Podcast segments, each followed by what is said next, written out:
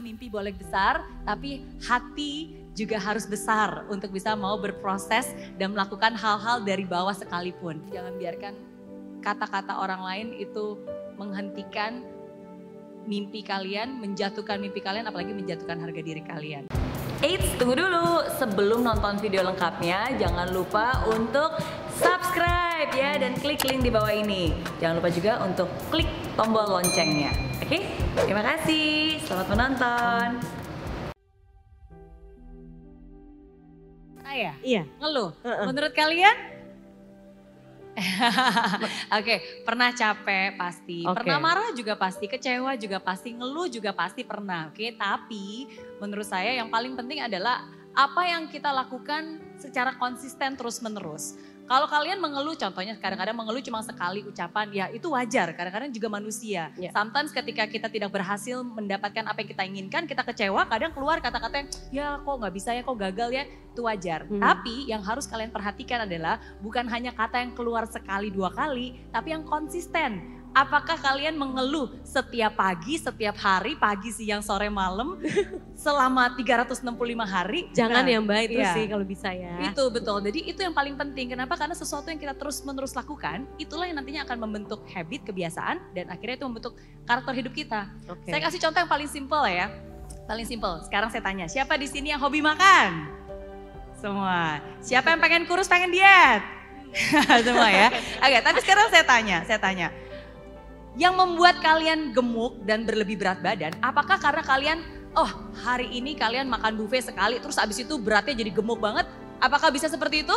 Enggak, tapi kalau kalian setiap hari seperti itu makannya nggak dijaga, itu yang membuat kita kelebihan berat badan, itu membuat kita sakit gitu. Jadi yang harus kalian perhatikan adalah apa yang consistently kalian lakukan setiap hari. Jadi keluhan, setiap kali kalian keluar kata-kata negatif, ingat bahwa kata Mary Rena nggak boleh. Eh, mumpung semuanya ada di sini, angkat tangannya tinggi-tinggi. Oke, tepuk pundak temen yang sebelah kanan dan bilang bro, bro, sis, sis. Hidup itu jangan banyak protes, Tuh dengar tapi tuh. harus berproses. Oh, Nah, oke. mantap. Proses. Satu hal singkat lagi ya, saya kalau- kalau kita ngomongin tentang milenial, em, sebenarnya banyak banget mitos-mitos tentang milenial, tapi banyak juga hal-hal yang positif menurut saya. Eh, generasi milenial itu mereka adalah pemimpi yang besar, mereka dare to dream big. Kalau ngomongin tentang kreativitas, kalau ngomongin tentang ide, wow itu is amazing. Tapi ingat hati-hati, saya selalu juga bilang, em, sayangnya kadang-kadang mereka bukan hanya punya mimpi yang besar, tapi mereka juga punya ego yang besar. Nggak level, saya kan lulusan luar negeri, masa harus melakukan ini? Ah, Ya. sekarang zamannya harus startup-startup harus yang keren lah dan seterusnya. Hati-hati jangan sampai ego Anda menghentikan dan men- men- menyetop Anda ya untuk mendapatkan potensi dan hal-hal yang jauh lebih baik lagi.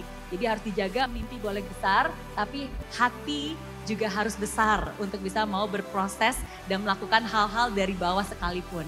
Dan saya yakin mereka juga adalah contohnya berkeringat capek-capek dan itulah proses yang harus di Inilah eh, jadinya dihargai. sukses-sukses semua. Betul. Luar biasa. Oke.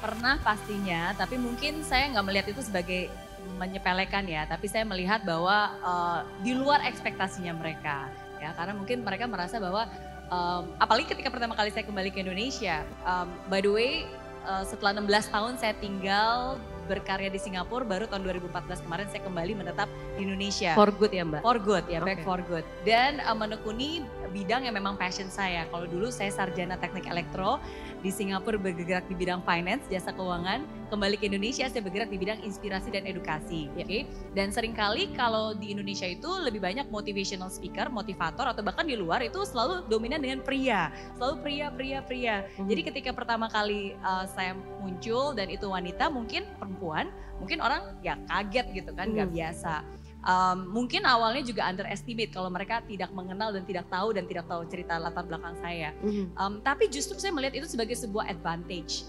Justru kadang zaman sekarang beda itu menjadi sesuatu yang spesial. Kadang orang itu berusaha untuk uh, menjadi yang berbeda karena lebih menarik perhatian dan akhirnya bisa menjadi sesuatu yang lebih spesial Ya. gitu. Dan dan ya akhirnya mungkin menurut saya itulah yang membuat uh, saya bisa menjadi seperti saya sekarang ini karena uh, because I embrace my differences compared to others ya. Jadi walaupun saya perempuan, walaupun mungkin um, mungkin ada banyak pertanyaan yang orang berpikir ah motivator kan harusnya pria gitu. Tapi justru mungkin dengan caranya saya sendiri uh, dengan stylenya saya sendiri itu bisa diterima oleh banyak orang. And I'm very grateful for that gitu. Jadi uh, pesannya pokoknya jangan biarkan kata-kata orang lain itu menghentikan mimpi kalian menjatuhkan mimpi kalian apalagi menjatuhkan harga diri kalian anyway female is future right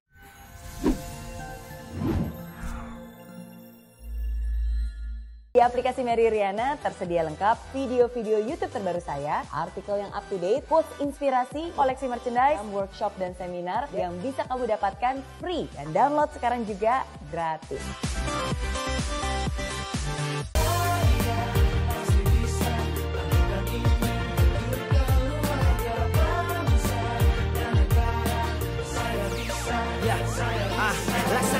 Tanpa hujan Hidup tanpa tujuan Kering dan mati tanpa hijaunya tumbuhan ah. Demikian kalau mimpi tak kunjung terjadi